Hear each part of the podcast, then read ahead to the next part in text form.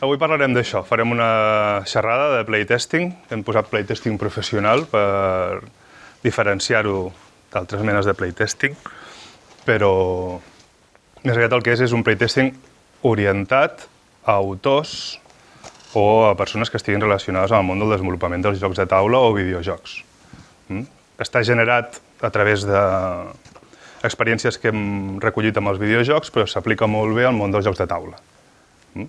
Aquest està orientat eh, totalment a jocs de taula, aquesta presentació, però la gènesis el... inicialment va ser amb els videojocs. Per què? Bueno, jo em dic Joan Josep Pons López i treballo al grau de videojocs de la UPC com a professor de game design i de gamificació.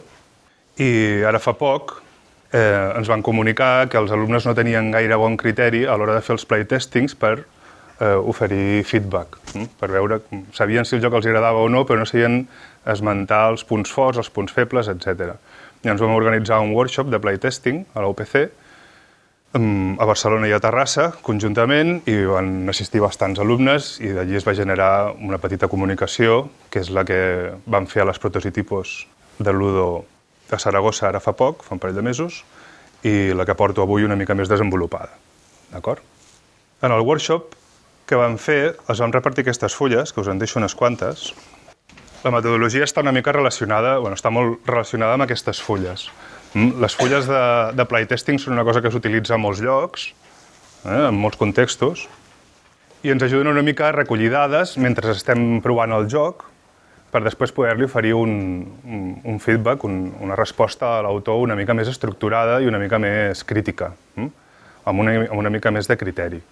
No és res complex, eh? com podeu veure la fulla és bastant senzill. Per la part de davant de la fulla teniu el que hauríeu d'anar omplint i a la part de darrere teniu una mica de xuletilla per saber si en un moment determinat no sabeu què posar, doncs, fer-li un cop d'ull. També teniu un petit decàleg. Eh? A la fulla tenim una primera secció de dades generals, que això ja, ja ho mirarem després, però que, que són importants d'anar recollint, i després tenim dues seccions. Una, les observacions generals del joc, i una altra, els punts forts i els punts febles. Mm? Finalment, hi tenim les sensacions que ens ha provocat el joc. Anem a, a mirar-les una per una, una mica. A les observacions sobre la partida, generalment el que fem són eh, ho dividim en tres parts. Mm? Aquí són aquests famosos tres actes de, de la teoria aristotèlica, de l'inici, el nus i el, i el desenllaç. Mm? I nosaltres anomenem early game, o, o, o l'inici del joc, el mid game, que és la meseta, la plataforma central, i l'end game, mm? que és ja quan està a punt d'acabar la partida. A l'inici del joc hauríem de, de contemplar aquestes opcions. Primer, la preparació del joc, el setup. Si ha sigut molt complex, si ha sigut molt ràpid. Si ho hem preparat tota la partida en 30 segons, perquè és una partida d'un joc d'un filler de cartes molt senzill, o si és un setup molt complex que tinc que seguir tota una sèrie d'instruccions eh, paral·leles.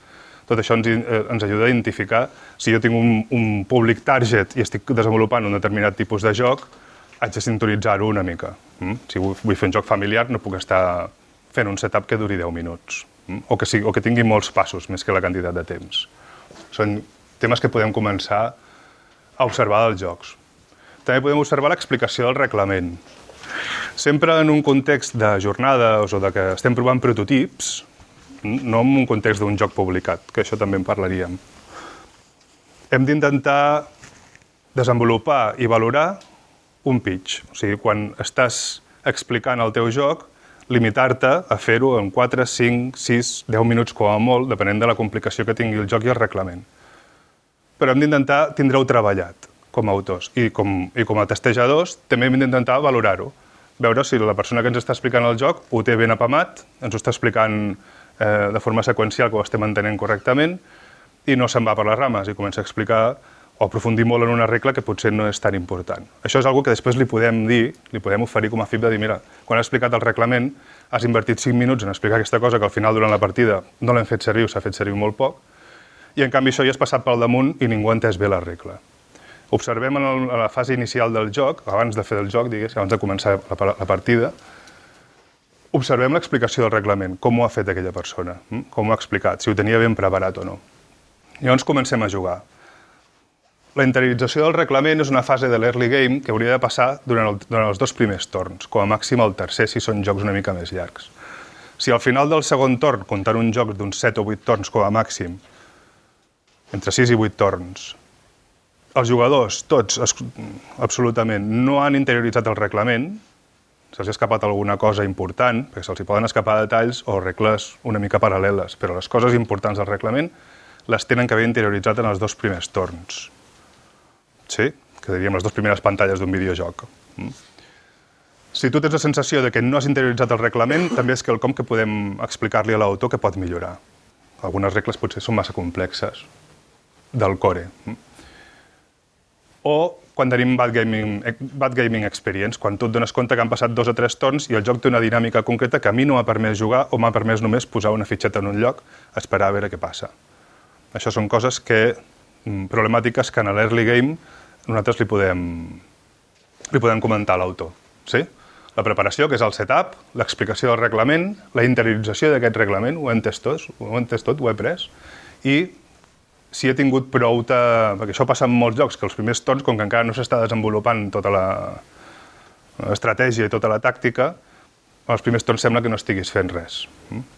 un cop han passat els dos, dos o tres primers torns, entrem en el, en el mid-game. Mm? El mid-game és el punt en el que els jugadors han de començar a desenvolupar estratègies pròpies. Mm? Si és un joc estratègic o si és un joc tàctic, han de començar a identificar les diferents tàctiques que el joc ofereix. Mm? Si ofereix estratègies o si ofereix tàctiques. Si pel jugador és difícil identificar les diferents estratègies o les diferents tàctiques, es perdrà i no disfrutarà de la partida, tindrà bad gaming experience. Vale? Si pel jugador és fàcil identificar les estratègies i les tàctiques, n'escollirà una, principal i una secundària, moltes vegades, o principal només, i basarà tots els torns centrals, en una partida de 8 torns poden arribar a ser 4 o 5 torns, els torns centrals, per tant, és una part que té molt pes dintre del joc, la mid-game, basarà tots aquests torns centrals en desenvolupar aquesta estratègia. Aquí hi ha un perill molt gran, que en parlarem després en quan, els punts, quan veiem els punts dèbils, que és l'estratègia dominant. Nosaltres hem d'oferir als jugadors dos, tres, quatre estratègies, dos, tres, quatre tàctiques diferents perquè ells puguin tindre la sensació de que estan escollint quelcom amb la seva pròpia intel·ligència, no que el joc els està guiant totalment. Si una d'aquestes quatre estratègies o una d'aquestes quatre tàctiques és clarament superior a les altres, tots els jugadors escolliran la mateixa, si no a la primera partida, si a la segona, i el joc està trencat, perquè ja ningú farà servir les altres estratègies. Totes tenen que estar prou equilibrades i balancejades. Si observem en una sessió de playtesting de prototips que tothom està fent la mateixa... I això es veu molt, a més, perquè en un prototip és una de les coses que més fallen. Eh, tothom està fent la mateixa estratègia, que aquell joc està trencat. No ha balancejat bé les estratègies tenint en compte les personalitats i els tipus de jugadors. Llavors, tenim que fer un cop d'ull a les estratègies, molt important. Fer un cop d'ull a les tàctiques o les missions i a la gestió de recursos i pacing. El pacing és el ritme, no? el ritme que va tenint el joc. Si en un moment determinat es para perquè hem de treure una targeta d'evento i la targeta d'evento resulta que és un evento que ens implica tots, hem de fer tots una tirada, això està bé. Però si la targeta d'evento és un rotllo de text que després té que fer quatre o cinc coses automatitzades, té que fer quatre tirades aleatòries i tothom es queda mirant com el joc està evolucionant per si mateix, ha trencat el pacing, ha trencat el ritme i no està gaire ben equilibrat. També es pot eh, criticar. I com es gestionen els recursos. El, en, en molts jocs de tipus Eurogame eh, hi ha gestió de recursos i gestió de treballadors i en un moment determinat no només el pacing sinó el balancing es pot, eh, pot estar trencat. Hi ha algunes tendències a vegades amb els prototips a fer les coses, a multiplicar les coses geomètricament. I aquesta proporció geomètrica pot fer que en un moment determinat un tingui dues monedes i un altre en tingui 200. I fa un desbalanceig bastant gran. Mm? s'ha d'observar en el mid-game la gestió de recursos. Com he començat en el primer torn del mid-game, que seria el quart, el tercer o quart, i com he acabat en el vuitè, i com ha acabat tothom. Si ho has fet estrepitosament malament i no tens cap estratègia, doncs no passa res perquè tinguis dues monedes, però si tothom ho ha fet més o menys i tot, depèn, tot depèn d'una tirada de dau que ha multiplicat els recursos, no està ben balancejat o no ofereix les mateixes oportunitats per tothom. I finalment doncs, està el tema d'aquest joc està trencat. No? Si qualsevol d'aquestes coses no ofereix estratègies i una estratègia dominant, no ofereix tàctiques, no ofereix o la gestió de recursos o el pacing no està ben balancejat, el nom és, o la frase és el joc està trencat. Peta per aquí, s'ha d'arreglar això, s'ha d'identificar i s'ha d'atacar en primer pla. Mm? Arribem a l'endgame. Quan comença l'endgame? en un, altre, en un llibre li diuen el Joe, no? El, el, en aquell grup de, de joc era el Joe, però en el nostre grup és el Pau. L'endgame comença quan o fas alguna cosa o el Pau guanyarà la partida, perquè saps que sempre és així. Mm? És el que té més capacitat, per tant, al final quan arribarà un punt en els dos últims torns en el que tu estàs fent tot el que pots i el Pau sembla que no s'esforci i com no el paris guanyarà. Això ens passa a tot és la identificació del tercer acte. No ha de ser el Pau, ha de ser qualsevol. No? O fem alguna cosa o ja hem vist tots que aquell guanyarà. O, o fan alguna cosa o guanyaré jo. Si un joc no té aquest punt, també és un problema. Mentalment estem molt condicionats, o estem arquetípicament condicionats, a veure uns passos entre primer acte i segon i segon acte i tercer. Eh? Tenim un clímax de les pel·lícules, tenim un conflicte inicial que ens passa del primer al segon acte, un clímax que ens passa del segon al tercer, un, bueno, una, un denuendo, una sèrie de coses que ens, que ens, ajuden, ens ajuden a identificar les parts d'una història, d'acord?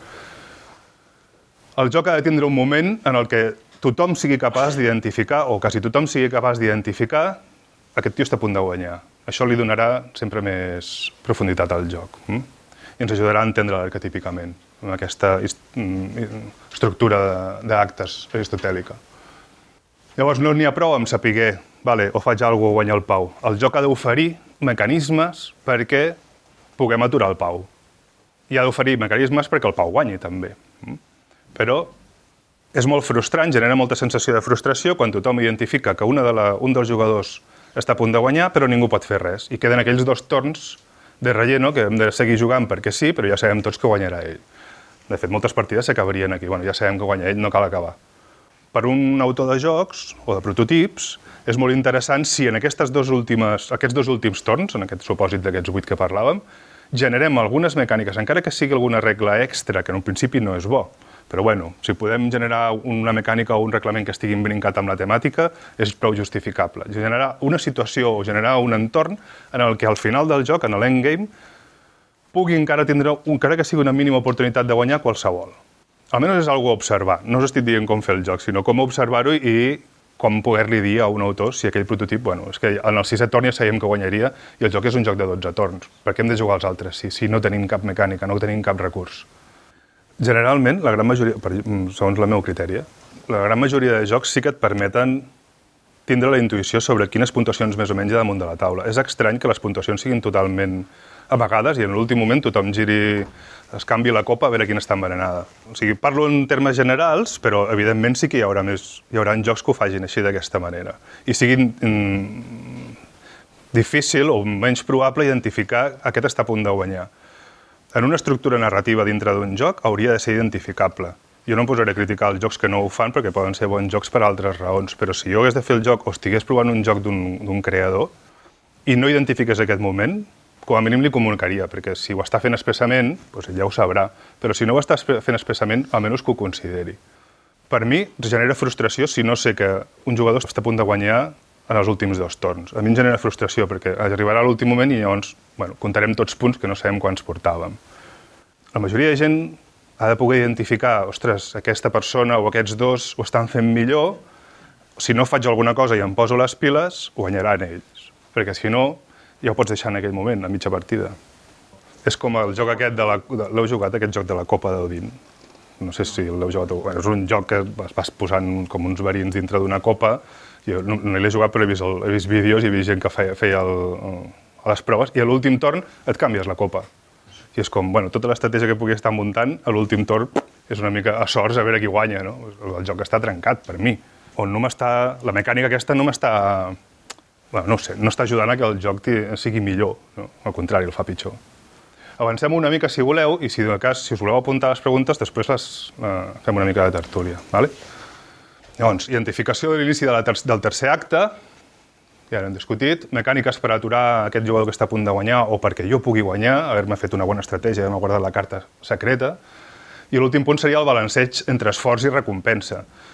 Això és quelcom també que està interioritzat dintre del, la ment humana, no? Quan ens estem treballant durant molta estona és per tindre un final èpic i guai, i, i xulo, no? Si t'estàs treballant durant tota la partida perquè al final guanyis, pues, no sé, sí, alguna cosa així, o jo què sé, si, estàs, si ets un pirata i estàs aconseguint grans tresors i al final t'emportes pues, una, un brazalete de perles i ja està, i ganes con eso, pues, no entra gairebé dintre de la psique, és una, un tema més de temàtica. que, que de mecànica. Però sí que hem de mirar que el que guanyi, d'alguna manera, dintre de la immersió temàtica, tingui una, una certa presència. Dic, hòstia, què he fet? Pues, L'he destruït, o he construït el castell, o he aconseguit un tresor supergran, etc etc. El següent que tenim a la fulla són els tres punts dèbils i els tres punts forts. Dic tres per dir un número totalment arbitrari. Mm, pot ser un i un, o pot ser tots els que se t'acudeixi en aquell moment. Però si sou capaços d'identificar tres punts dèbils i tres punts forts, li estareu oferint un molt bon feedback a l'autor del prototip. Ell ja escollirà després, si aquells, amb el seu propi criteri, si aquells punts són a aplicar o no. Quins són els punts dèbils, per exemple? O alguns exemples de punts dèbils. N'hi ha moltíssims, però alguns exemples. El reglament d'excepció seria un dels que sempre destaquem. Les regles són aquestes, del punt 1 al punt 10, però si passes per sota d'una porta i en aquell moment t'estan llançant un conjur de gel, la porta s'escongela i no pots passar. Per això és l'element d'excepció que s'ha de recordar, s'ha de consultar... Mm, normalment te'n recordes tres torns després. Hòstia, aquell ha passat per una porta congelada i no podia. Hòstia, ara què fem? Ja portem tres torns. Això genera molt, molt bad gaming experience. Llavors el que hem de fer és retallar o intentar integrar totes les tot el reglament d'excepció dintre del reglament core o del reglament nuclear del joc, si es pot. Clar, jo us hauria d'intentar explicar les coses que podeu identificar en un prototip, no explicar-vos com arreglar-les. Això ja és cosa de cadascú. Però aquest reglament d'excepció és el primer que, quan porteu el prototip en unes jornades o a un editor, us començarà a explicar que totes aquestes coses compliquen molt una de les coses més complexes de la creació de jocs de taula, que és la redacció del reglament en aquells típics moments en què us han de posar un diagrama o no lo entiendes, amb les cartetes i amb tota la història. Quan us expliqui el reglament o quan hi hagi, o dintre de la partida, aneu identificant si hi ha reglaments d'excepció que no us acabin de quadrar. Un altre dels temes importants que generen bad gaming experience és l'alpha player, l'efecte líder, no? sobretot en jocs col·laboratius, en el que tots compartiu una missió i hi ha algú que li està explicant a tots els demés el que té que fer. Doncs pues mira, tu aniràs, un curaràs aquest, tu ara generaràs menjar i després ell i jo anirem i atacarem el monstre. I els demés pues, no saben, o sigui, no, no estan participant de la presa de decisions. Si jugueu a un prototip col·laboratiu, això és fàcil d'identificar. El que no és tan fàcil d'identificar és quan tu ets el, estàs fent l'efecte líder i ets l'alpha player. Mierda, estic controlant esto, estic monopolitzant-ho. Sobre producció, bueno, això és molt relatiu, també. Jo inicialment el que us proposaria és que quan veieu un prototip o genereu un prototip, us fixeu amb la sobreproducció del prototip, perquè després, un cop publicat, pot interessar que estigui sobreproduït mm, i que tingui unes figures fantàstiques per poder-lo vendre a 80 o 100 euros. Però el que és el prototip en si, la quantitat de components ha de ser una mica eh, bueno, no, no vull dir com ha de ser, no? Simplement feu un cop d'ull i mireu a veure si aquell prototip té masses coses, està massa sobreproduït i està en un nivell molt baix de reglament, per exemple. En, en les prototipos vam provar un joc, que no diré el nom, que em vas, ajudar, que em vas dir tu que el provés, per cert, Eloi, que, que és un noi que porta, em sembla, no sé, uns 15 anys fent-lo, o alguna així, i vam estar una hora i quart de rellotge explicant-nos el reglament i els components i no vam jugar perquè era una sessió d'una hora del playtesting organitzat i era el, el joc més gran que he vist en la meva vida, o sigui, però brutal. Tenia, el reglament tenia 800 pàgines, 800, 800 pàgines, sí, sí. Algun dia ja... Bueno, no sé, si, sí, clar, no, millor que no digui el nom perquè no estic fent gaire bona publicitat. Però això era un joc, era era el, el joc definitiu, sí. En quant a una determinada classe, després us dic quin és fora de micro, si voleu, però quan una determinada classe de jocs era el millor joc que he vist en meva vida, no dic que no, però era brutal, t'hi portava maletes amb tots els components i tal. Mm, era bestial. Bueno, és l'exemple més, més gran de sobreproducció que pugui haver vist mai, no? Però en un joc és fàcil d'identificar. A veure, això què és? Un joc de què? De pirates. No necessito 80 barcos, potser amb 3 o 4, un que sigui de 5 i un altre que sigui de 1 i un altre que sigui de 2 ja en tinc prou. No? Eh, ajuda una mica a la producció i també a presentar-ho editorials, no s'espantin amb tants components. El mateix que passa amb els components passa amb el reglament. Si fes proves, treu, aquesta regla és dubtosa, treu-la, fes tres o quatre partides. Ningú ha dit res, no has trobat a faltar, va fora. Amb els components igual. Aquests components, això potser no funciona, aquest component, doncs treu-lo i juga tres o quatre partides. Per això ja aniria més a, a nivell de consell cap als creadors, més que observació. El que hem de fer és observar això. Hosti, aquests tokens de, de, jo que sé, de barril no els hem fet servir durant tota la partida és que són per una regla d'excepció. Vale. Components extra i regla d'excepció, todo fuera, sin ningún problema. Vale? Què més genera Bad Gaming Experience? l'eliminació de jugadors a l'early. Per què poso a l'early? O sigui, al principi de la partida. Perquè hi ha jocs que estan dissenyats específicament per eliminar-se entre els jugadors. Llavors, clar, l'eliminació de jugadors no sempre és anatema, però si en el torn 1 o 2 un jugador se'n va fora, eh, potser hauríem de revisar el joc. Ara... Tens un banc. Sí, veus? he dit potser hauríem de revisar el joc quan el que volia dir era aquest joc està malament, però millor que comenci a moderar el llenguatge, perquè és que hi ha tants jocs que haig de fer-ho, no? Bueno, sí, és un banc, perquè el joc està dissenyat per això, doncs llavors cap problema, hm? parlem en aquest sentit. Però si el joc té una certa dinàmica i està intentant crear una estructura narrativa, no matis algú al segon torn, perquè generaràs moltíssima frustració. Generaràs frustra frustració al que ha mort i generaràs molta incertesa als que segueixen jugant. Hòstia, aquí puc morir en qualsevol moment per molta estratègia que estigui muntant. Igual juguen més a la lleugera. Sí? S'ha d'intentar recuperar si és que hi ha aquesta dinàmica que no permet que aquest jugador mori, o sigui, aquest jugador ha de morir perquè és que el, el joc és així, si es pot reenganxar d'alguna manera, mm? si es pot reutilitzar d'alguna manera aquest jugador. bueno, no sé, això també seria un tema a parlar en quant a desenvolupament, no? però has de poder identificar aquestes formes de morir per poder crear una estratègia, si no és un altre cop una loteria. No? Llavors, si mors el primer o el segon torn, no t'ha donat temps, no donat temps ni d'interioritzar les regles. Si ho pots, si més endavant hi ha una espada de Damocles que està a punt de caure i no sabem damunt d'aquí, genera tensió, que és bo. Però jo he de tindre algunes estratègies també l'escut antiespada de Damocles, que, sigui, que estigui a disposició, d'alguna manera. O si has creat un joc exclusivament perquè mori la penya en plan aleatòriament i salvatge, potència-ho i igual funciona. ¿vale? Abans hem parlat de l'estratègia dominant jo crec que ha quedat ja prou clar. És aquesta estratègia que tothom l'identifica ràpidament i elimina totes les altres. Aquest és un dels problemes estructurals que veiem en mogollon de, de jocs de taula, de prototips, que genera una estratègia dominant que és l'estratègia que ha pensat l'autor. Hosti, m'hauria fer un joc que poguessis fer això i això i això. Pues tothom acaba fent el que l'autor ha dissenyat. Ha aquesta projecció. O un joc repetitiu. És un joc sense estratègia dominant, sense cap gaires estratègies, tampoc. Mm? Una estratègia dominant també es pot fer repetitiva. Eh? Tothom està fent el mateix i al final guanya el que ha tingut una mica més de sort amb el dau de 6. Però si el joc té estratègia dominant o, està, o és molt repetitiu, durant 4 o 5 tons no hem vist ningú, aquell que li diem waha moment. Hòstia, que guai, això, aquesta carta, hòstia, que tira el dau, un 6, que guai. Si no generes aquest tipus de, de situacions, el joc és una mica seqüencial. Amb, hi ha gent, hi ha tipus de jugadors que els agraden aquests jocs més seqüencials, més sense aleatorietat, sense events, sense wahas moments, anar-ho controlant i al final que guanyi doncs, el que s'ha cremat més al cervell.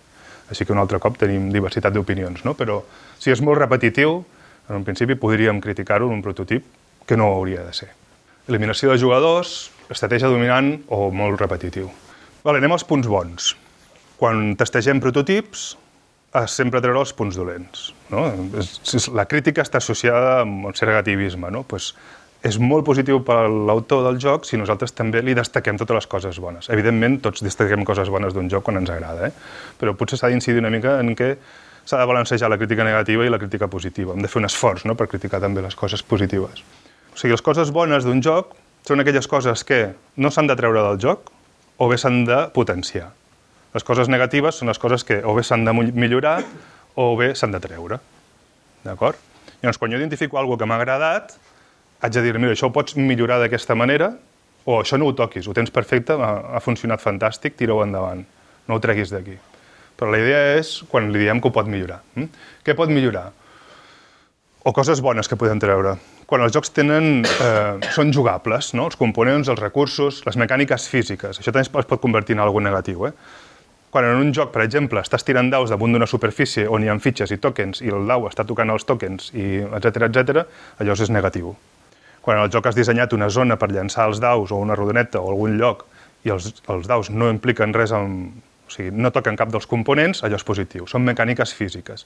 Si cada cop que surt una carta de gallina tots tenim que anar a posar la mà al damunt, s'ha de vigilar una mica, perquè en un moment determinat a on surti aquella carta de gallina pot ser tra molt transcendent. Si la carta de gallina surt al mig i tots juguem enrotllana, perfecte, però si la carta de gallina li surt al primer jugador i estem jugant, es poso un exemple estúpid, eh? tots en fila, l'últim no tindrà les mateixes oportunitats d'anar a tapar la, la carta de la gallina. O si quan surt un determinat component s'ha de dir que el com, aquell determinat component ha de ser accessible per tothom a la vegada. No pot ser que un robi la carta i digui abans de que ho puguin dir els altres. Coses bastant evidents, però que a vegades no valorem, no? o que podem valorar en un prototip. Els components, els recursos i aquest tipus de mecàniques físiques. Mm? Altres coses que, que podem millorar. el balanceig. El balanceig significa que els jugadors tinguin les mateixes oportunitats per tothom. Inicialment, quan comença la partida en el torn 0, tothom ha d'estar a les mateixes condicions. El setup, bueno, hi haurà molts jocs diferents que generaran situacions eh, asimètriques al principi de la partida. Mm? I una cosa és la simetria en quant a les condicions de victòria finals, però una altra cosa són les condicions en les que els jugadors juguin durant tota la partida. I inicialment, el balanceig del joc significa que tots tinguin les mateixes oportunitats. Alguns jocs estan desbalancejats expressament, perquè volen que determinat jugador sigui més difícil de jugar, perquè si el que ha jugat més vegades o el que en sap més pugui també col·locar-se al nivell dels més principiants. Aquest és un dels punts que en els prototips, depenent de l'estat del prototip, doncs veiem que estan més desbalancejats no? o menys treballats. Al principi doncs, costa una mica més de balancejar els números, però al final és més, normalment el joc està més quadrat. Punts forts que poden haver-hi també en un joc. Una de les coses que a mi més m'agrada i que també va generar controvèrsia en alguna xerrada és la... que les mecàniques connectin amb la metàfora, amb el tema. Per mi és vital, quan estic jugant a un joc, que les mecàniques d'aquell joc m'estiguin portant cap al tema d'aquell joc. Mm? És a dir, si és un joc de caçar gallines, quan gires una carta i tothom ha de posar-la al damunt, aquella mecànica t'està fent immersió dintre de la temàtica del joc. Si fos un joc de caçar gallines i jo giro una carta, surt una gallina i tothom ha de tirar un dau i mirar una taula, no m'està ajudant la mecànica a la immersió del joc. És una mecànica que està desconnectada del, del tema. És fàcil agafar els 4 o 5 jocs que més us agradin i veure com les mecàniques, estudiant una mica el reglament, ajuden a la immersió de la temàtica. Si el prototip que esteu provant les mecàniques t'ajuden a la inversió temàtica, és algo que li podeu comentar a l'autor, li podeu dir, mira, això me sembla correcte, i després ho pots millorar d'una manera o d'una altra. Què en penseu vosaltres d'això? Perquè la crítica va vindre d'algunes persones que deien que esto no, no tiene nada que ver, hay juegos abstractos que no tienen temática y funcionan perfectamente. Per exemple, van posar com a exemple les escacs i el Go. Jo per mi tenen una temàtica, eh? clarament, els dos, però però crec que és una màxima dintre dels, dels jocs abstractes posar-li una capa de, de temàtica a la que sigui. Els jocs, els jocs abstractes, en realitat, bueno, no sé, mm, seria un d'aquells temes que no sabria com definir el 100%. Evidentment hi ha, gradacions, hi ha gradacions, però jo crec que la majoria tenen un layer de tema, de metàfora. I si la mecànica ajuda a que tu et fiquis dintre d'aquell tema, sempre serà una mecànica més amable i que com que li podem dir a l'autor que conservi, que no altres mecàniques que ens treguin fora, com a norma general algo que ha dit l'Isaac m'importa molt, que és que ens ajuden a entendre les mecàniques. O sigui, ens ajuden a entendre, aquesta inversió temàtica ens ajuda, això ens passa eh, mentalment amb tot, partint de les coses més abstractes del món com podrien ser les matemàtiques. Quan anàvem al col·le i apreníem matemàtiques ens posàvem problemes, quatre pomes, sis pomes, un carro que surt d'allí o un tren que surt d'allà. No et diuen els números totalment abstractes. Això t'ajuda a entendre el reglament, per dir-ho d'alguna manera, hm? i entrar. Bueno, avancem-ho. Què més hem d'identificar? La interacció entre tots els jugadors, sempre que sigui un joc en el que no t'hagis d'abstraure de la resta i muntar-te la teva pròpia pel·lícula. No vull dir que tots els jocs tinguin que tindre interacció, el que vull dir és que si la persona t'ha plantejat un joc d'interacció entre jugadors, estigues molt al tanto en aquesta, si, si s'està generant aquesta interacció entre jugadors. O encara que no t'hagi expressat l'autor, si tu has identificat que el joc sembla un joc que els jugadors haurien d'interaccionar, veure si ho està fent realment o si no ho està fent. I si ho està fent, que ho millori, perquè la interacció entre jugadors és una de les dues o tres coses que els que analitzem jocs eh, valorem més quan les identifiquem. L'últim dels tres punts forts, per mi és el més important, que és la, bueno, el més important, és un dels més importants, que és l'originalitat. O sigui, quan identifiqueu un joc que sigui original en quant a tema o en quant a mecànica, moltes vegades que només per allò ja val la pena tirar-lo endavant. Hòstia, mira, tot el, el joc no funciona en absolut, però aquest tema que has escollit és molt guapo canvia les mecàniques, busquen una altra o el que sigui, però el tema no el perdis. O el joc, el tema no en tinc ni idea, però aquesta mecànica concreta no l'he vist mai a cap altre joc i ens hem divertit molt jugant-la. Conserva aquesta mecànica. És original. No? Eh, el tema que has escollit eh, doncs no ens agrada gens, escoll-ne un altre, d'acord? Sí que podríeu fer un cop d'ull si us interessa el tema de les mecàniques a la, primer a, a la BGG, a la llista de mecàniques oficials, bueno, oficials de la BGG, diguéssim, eh, que en teniu moltíssimes i us poden donar idees per crear jocs. Però després a mi m'agrada molt el blog de l'Stigmayer, perquè ell té una, bueno, té un, una sèrie de vídeos, My Favorite Game Mechanism, que ja en té moltíssims, té dotzenes, i va analitzant de tots els jocs que juga, quan troba una mecànica xula, doncs l'explica. I realment veus, només mirant els vídeos vas traient moltes idees a l'hora no només de crear jocs tu, sinó a l'hora de proposar a les sessions de playtesting els autors doncs, com podrien variar la seva pròpia mecànica. Hosti, vaig veure un cop al Steve Meyer una, que feia una cosa molt semblant a la teva, però d'aquesta manera li funcionava millor. És un molt bon recurs, per mi. Jo me'l miro sempre. Mecàniques àgils, divertides, que siguin noves, mm, temes que siguin o molt artístics, si tens un gran dibuixant, un il·lustrador, que siguin molt trending o que no s'hagin vist mai. Per exemple, a les prototipos vam veure un joc molt xulo, La Jaula, d'uns tios que van en una pajareria i es foten a sota de la pajareria i a sota hi ha un món underworld que fan lluites de gladiadors i tal. O sigui, un tema guapíssim. El joc després estava bé també de mecànica, o sigui, ho tenia tot. Però el tema era molt punyent. O alguns autors han creat jocs amb una mecànica i un tema i una de les coses recurrents eh, pels editors, els publishers, és dir-li, mira, m'agrada molt el joc, però la temàtica te la canvio. Final, l'últim punt de la, de la fulla, les sensacions. Les sensacions són quelcom que algunes persones destaquen per damunt de tota la resta que he explicat, o sigui, podríem parlar només de sensacions, i que algunes altres persones, com jo, a vegades les oblidem i les deixem una mica com l'últim punt. Llavors, depèn una mica del que tu com a autor valoris, seràs tu com a autor el que, o com a crític el que destacaràs del joc, d'acord? I això són només orientacions. Si t'has avorrit, si hi havia uns entretorns molt llargs, si prenies poques decisions, si el joc s'havia convertit en repetitiu o, o automatitzat, és que el com que pots apuntar com a sensació. M'he avorrit. Però per què? Per alguna d'aquestes coses. No pots dir només, jo m'avorrio. No, tens que destacar-li alguna cosa, si no l'autor no s'emporta el bon feedback. Aïllament, quedar-se al marge de l'eix de la història. Hi ha una història una narrativa, un eix de la història principal, i jo m'he quedat amb una subtrama, amb una missió estranya, que al final m'ha arribat a final del joc, però no m'he quedat connectat amb la història general. ¿vale? M'he aïllat de la resta. O aquests tres s'han ajuntat i jo anava per solitari i ells anaven fent tota la missió. L'excitació o la tensió que parlàvem abans, que és diferent de la por. Tot i que m'agrada molt un joc que et faci por, eh? a veure com ho fem. Eh, els jugadors estan a punt de perdre tota l'estona, això perquè no només són sensacions negatives, també són sensacions positives o que un joc es poden destacar com a positives, no? que tots els jugadors estiguin tota l'estona atents al que està passant damunt de la taula. La impotència, que és la falta de mecanismes per subvertir la situació negativa. Estic en el pou però no, i a més a més no sóc capaç de sortir del pou, doncs ja no jugo més. Eh? Pues trec el mòbil i començo a mirar-me el WhatsApp. Tots els jocs que puguin generar una situació en què et col·loquin un pou han de tindre una oportunitat, sobretot si pot ser lligada a decisions pròpies que tu prenguis, no d'una carta que sale en qualsevol moment o d'una tirada de dau, ha de donar-te una oportunitat de sortir del pou i tornar-te a reenganxar la partida.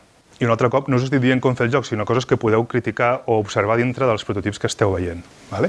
I l'última, la més important, el divertiment. Quan un joc és divertit, quan vols fer una altra partida, que és aquella frase que tots els autors volen, hòstia, juguem una altra, és quan tot rutlla, quan encaixa, quan explores opcions diferents del joc que t'encaixen dintre de la mecànica i dintre de la temàtica, quan crees estratègies, quan veus resultats i quan tens possibilitats de guanyar. Si durant tota la partida no has tingut possibilitats de guanyar, mmm, pot ser que el joc estigui molt bé, inclús que t'hagis divertit una mica, però no es generarà una experiència completa. No? Bueno, al final quedarien les dades generals, que són molt importants si l'autor porta un registre. El nom de l'autor, els mails de les persones que han jugat, perquè sempre igual, igual vols redactar-ho després, millor, i dius, hòstia, no em recordo si en aquell moment aquest ha fet allò o l'altre, doncs li envies un correu o un WhatsApp o el que sigui. Arrel del workshop que van fer a la UPC, que això crec que pot ser important per tothom, es va generar un grup d'estudi a, la, a la Politècnica, que l'han generat els mateixos alumnes, i han creat un grup de playtesting professional al que, si voleu, podeu enviar els vostres prototips, ells els juguen una sèrie d'iteracions, 4, 5, 6 vegades, i al final generen un informe. I us envien l'informe explicant-vos des del seu punt de vista, que és un punt de vista, perquè són alumnes de quart ja, és un punt de vista bastant treballat, eh, explicant-vos doncs, quines coses són destacables del vostre joc, quines coses es poden millorar, etc mm, etc.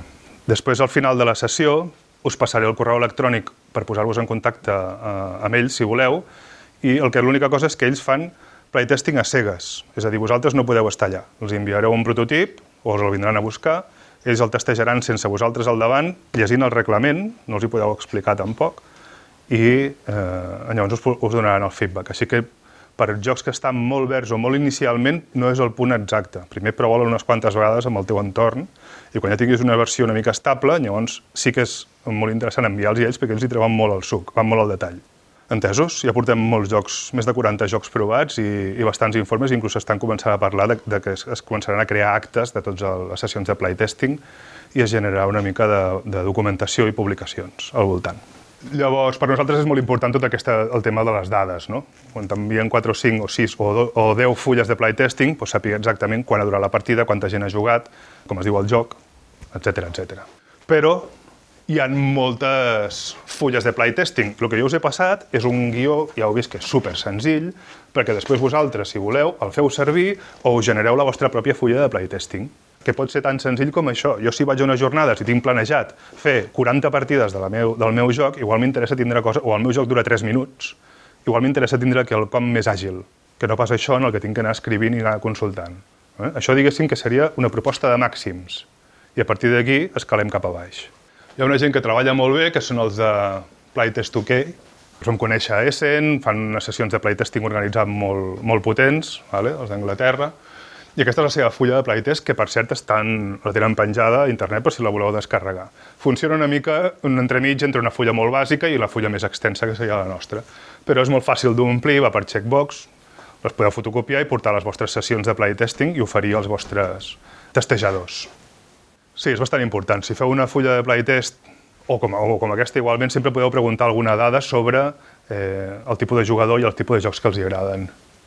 Pressuposa subjectivitat per part del playtester. Si tu tens més bagatge sobre fillers i has provat molts més jocs, tens inicialment una caixa d'eines o una biblioteca de recursos més àmplia. Si no has jugat mai a Wargames i et poses a jugar en Wargame, tens menys recursos. O sigui que inicialment aquesta subjectivitat, subjectivitat no em sembla malament. De totes formes, els de Playtest OK, i jo crec que no només en aquest sentit, sinó en una altra direcció, ho recullen perquè així ells, quan agafen tots els, els prototips, ells els apunten, no arribes allà i jugues, poden seleccionar. A veure, això és un filler, doncs agafem quatre persones que li agradi el filler i el casen i fan una sessió. Però també jo crec que pot servir per detectar aquest esbiatge en quant a la referència tots som manetes, si no, no estaríem aquí, tots fem prototips, i llavors dissenyar-nos alguna coseta així no ens costa gens. Mm? I aquestes mateixes fulles estan disponibles, o sigui que si no la vols fer, doncs la pots agafar, imprimir i portar-les a les teves sessions de playtesting. Vale, tot val? No, tot no val. Mm, val una fulla en blanc en el que el tio ha apuntat quatre notes i tal? Sí, inicialment sí, clar, més que, menys que res.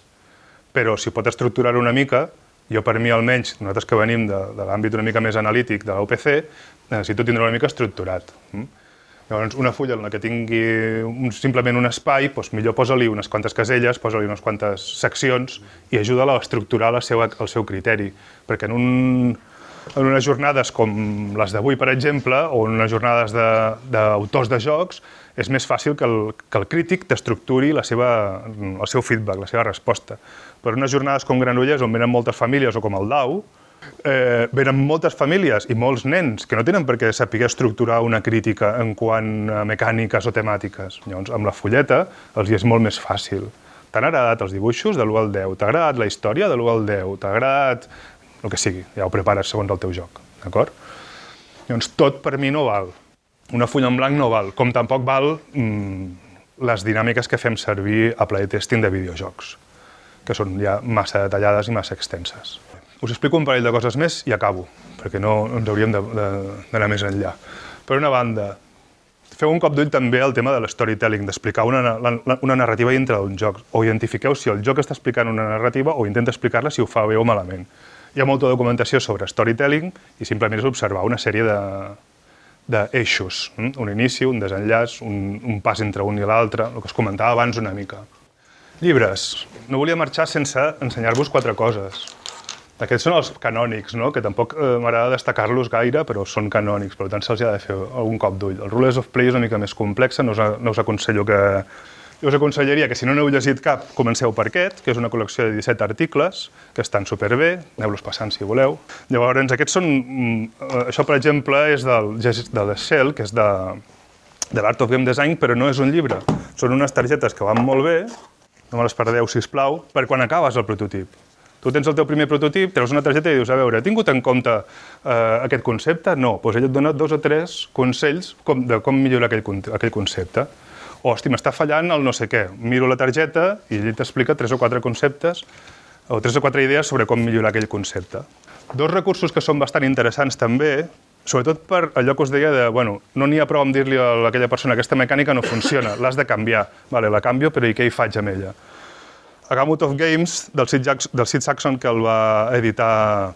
Ai, com has dit això abans, Oriol? El va, el va editar l'Oriol en espanyol, Un mundo de juegos. Un montón de juegos. Un montón de juegos, això i aquest, Dice Games, que és del Nícia, que també porta com 200 jocs de daus amb variants i cada una de les variants t'explica pues, eh, coses diferents que són interessants. Finalment, si us interessen els temes de gamificació, de com ludificar situacions socials que són una mica complexes, hi ha molts llibres que són molt interessants, però poc accessibles, aquest és molt accessible. Vale? Marceski és un dels que, va, un dels que ha creat el, un, un dels patrons més importants de gamificació i aquest llibre és molt accessible, molt fàcil de llegir i t'explica bastanta història sobre... Sí. Creació de mons fantàstics, si tens un joc que està orientat al combat, hm? aquest, aquest llibre va molt bé, és una, una altra col·lecció de 20 articles sobre com crear combats que siguin diferents de simplement le pego o me defiendo, passant. Això és de creació de mons fantàstics i de jocs narratius, de com crear experiències narratives dintre dels jocs. Creació de personatges, que això també va molt bé. Això ho dirigim més al, al món del videojoc. Eh? O d'un guió pel teu joc. Hi ha jocs que tenen que explicar una mica una història. D'acord? I si estàs creant un joc per invocar el diable, pues, Les clavícules de Salomón, que és un facsímil de 1641, és un llibre que us recomano tot i que no us recomano llegir-lo en veu alta perquè de saber què pot passar. Feu-li un cop d'ull només, com una curiositat anecdòtica. Vale, finalitzem. Us deixo uns recursos que els podeu consultar en, el, en la presentació. M'agrada molt aquesta, aquest joc, no sé si el coneixeu. Eh, en anglès ve a dir més o menys, no l'hem ni, ni testejat ni una vegada, i ja està publicat, o sigui, si això està publicat per què no podem tirar endavant el nostre prototip? Cap problema. Bueno, finalment, dir-vos que, per qui no ho sàpigui, que em semblaria estrany, però bueno, aquesta xerrada l'hem organitzat des de l'UDO, que és l'Associació de Creadors de Jocs de Taula d'Espanya, que us podeu afiliar quan vulgueu, teniu les portes obertes, i un cop dintre de l'UDO doncs, també us podem explicar a on anar a testejar els jocs amb, de forma professional, hm? o de forma amb altres autors de jocs, almenys, si no és professional. D'acord? I bueno, ja està. Moltes gràcies per haver-me escoltat. Si algú vol posar-se en contacte amb mi, doncs, aquest és el meu mail i el meu telèfon. Si teniu qualsevol dubte o si voleu enviar prototips a la sessió de, la, de playtesting de la UPC. D'acord?